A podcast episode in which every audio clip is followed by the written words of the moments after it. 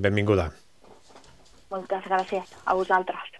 El ple ordinari del mes d'octubre va aprovar les ordenances fiscals del 2024, és a dir, els impostos, les taxes i els preus públics eh, per a l'any que ve, i s'ha previst un increment de la taxa d'escombraries del 16% i de l'IBI d'un 4,64. Quina opinió li mereixen aquests increments?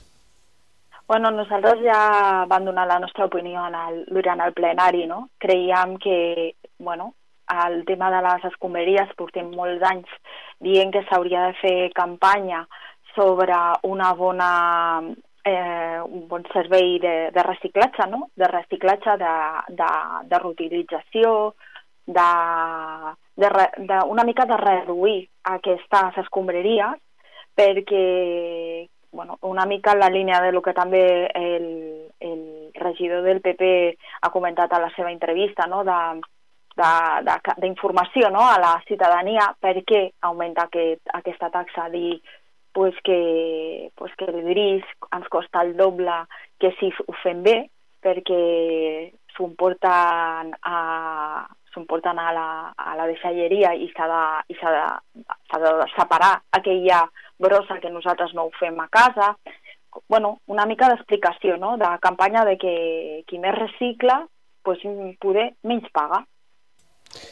En el cas, per exemple, de la taxa del subministrament d'aigua, l'equip de govern està estudiant ara com encaixar l'increment del cost en alta previst per Aigües Ter Llobregat.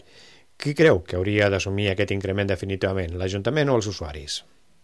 Bueno, el que nosaltres creiem és que d'una vegada per tota el, el govern municipal decideixi què vol fer amb l'aigua. Portem tres legislatures parlant de, de la gestió de l'aigua, de, de, què, de què passarà amb la seva gestió. Estem en, en, en un contracte una mica, anomenem-lo diferent, i una vegada decidim eh, quina és la gestió que volem fer de l'aigua, si la volem tornar a municipalitzar o fer servir una cooperativa o què fer servir, doncs parlem d'augments d'aigua i de qui ha d'assumir aquests costos, no? Però el més important, creiem nosaltres, és saber quin, quin model volem per a la nostra aigua. Durant la darrera Junta Local de Seguretat es va informar que la llagosta està per sota de la mitjana catalana pel que fa al nombre de delictes denunciats. Què us sembla aquesta dada? Ens sembla perfecte no? que, siguem, que siguem per sota la mitjana, però nosaltres també reclamarem sempre que es faci eh, bueno, una enquesta o de la percepció que té la ciutadania sobre seguretat a, al poble, no? Perquè una cosa és que no hi hagi delictes i una altra cosa és la percepció que es té de seguretat dintre del poble.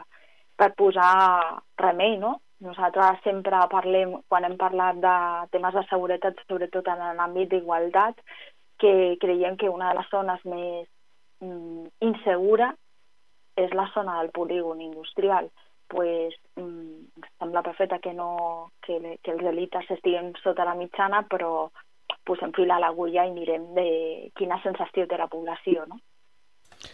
A finals del mes d'octubre es van commemorar els 30 anys de la inauguració del Casal d'Avis, al carrer Brutau, cantonada amb l'Avinguda del primer de maig. Com ho va viure? I en tot cas, creieu que cal ampliar els serveis que s'ofereixen a la gent gran de la Llagosta? Pues el vam viure molt contents de que, de que tinguem un casal tan, tan viu i amb, tanta, amb tanta energia. No? Tenim el casal d'avis que, que bull d'activitat.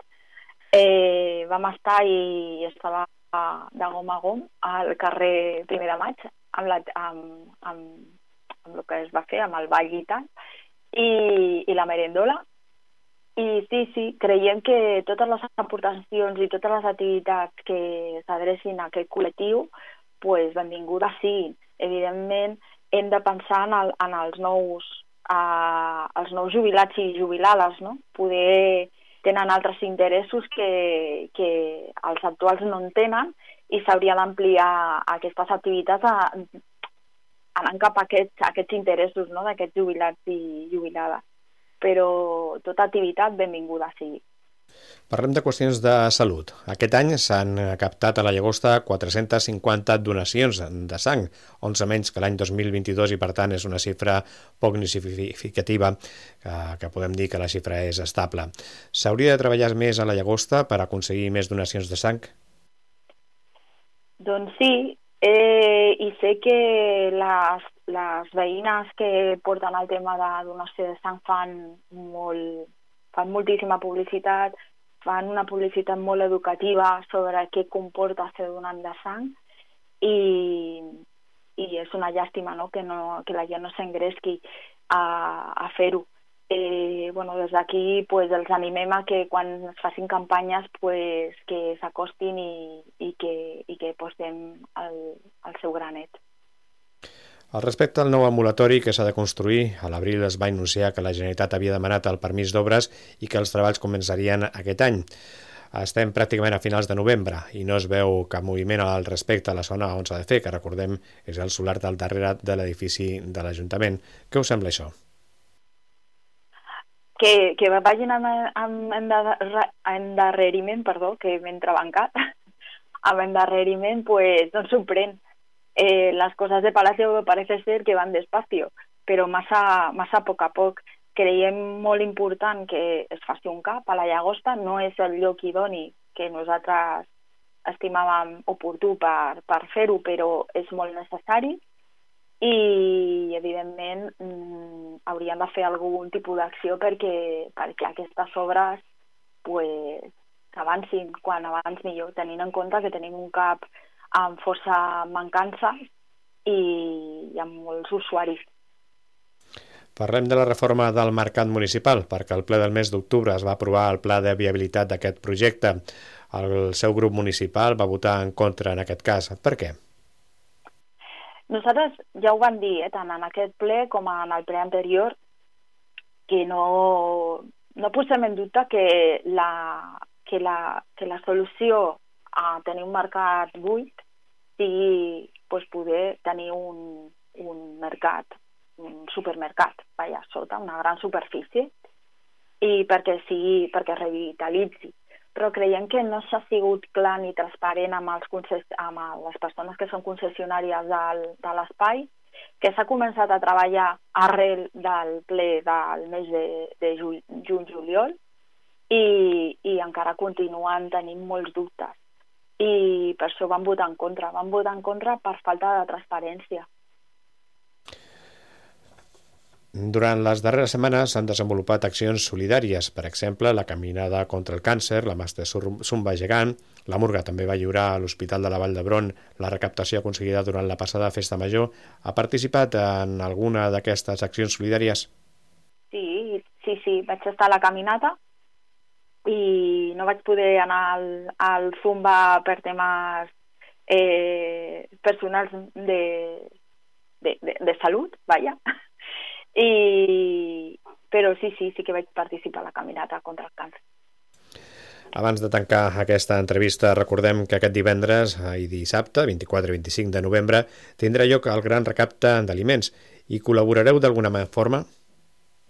Sí, col·laborarem pues, segurament a, donant a, aliments o donar, fent alguna petita aportació.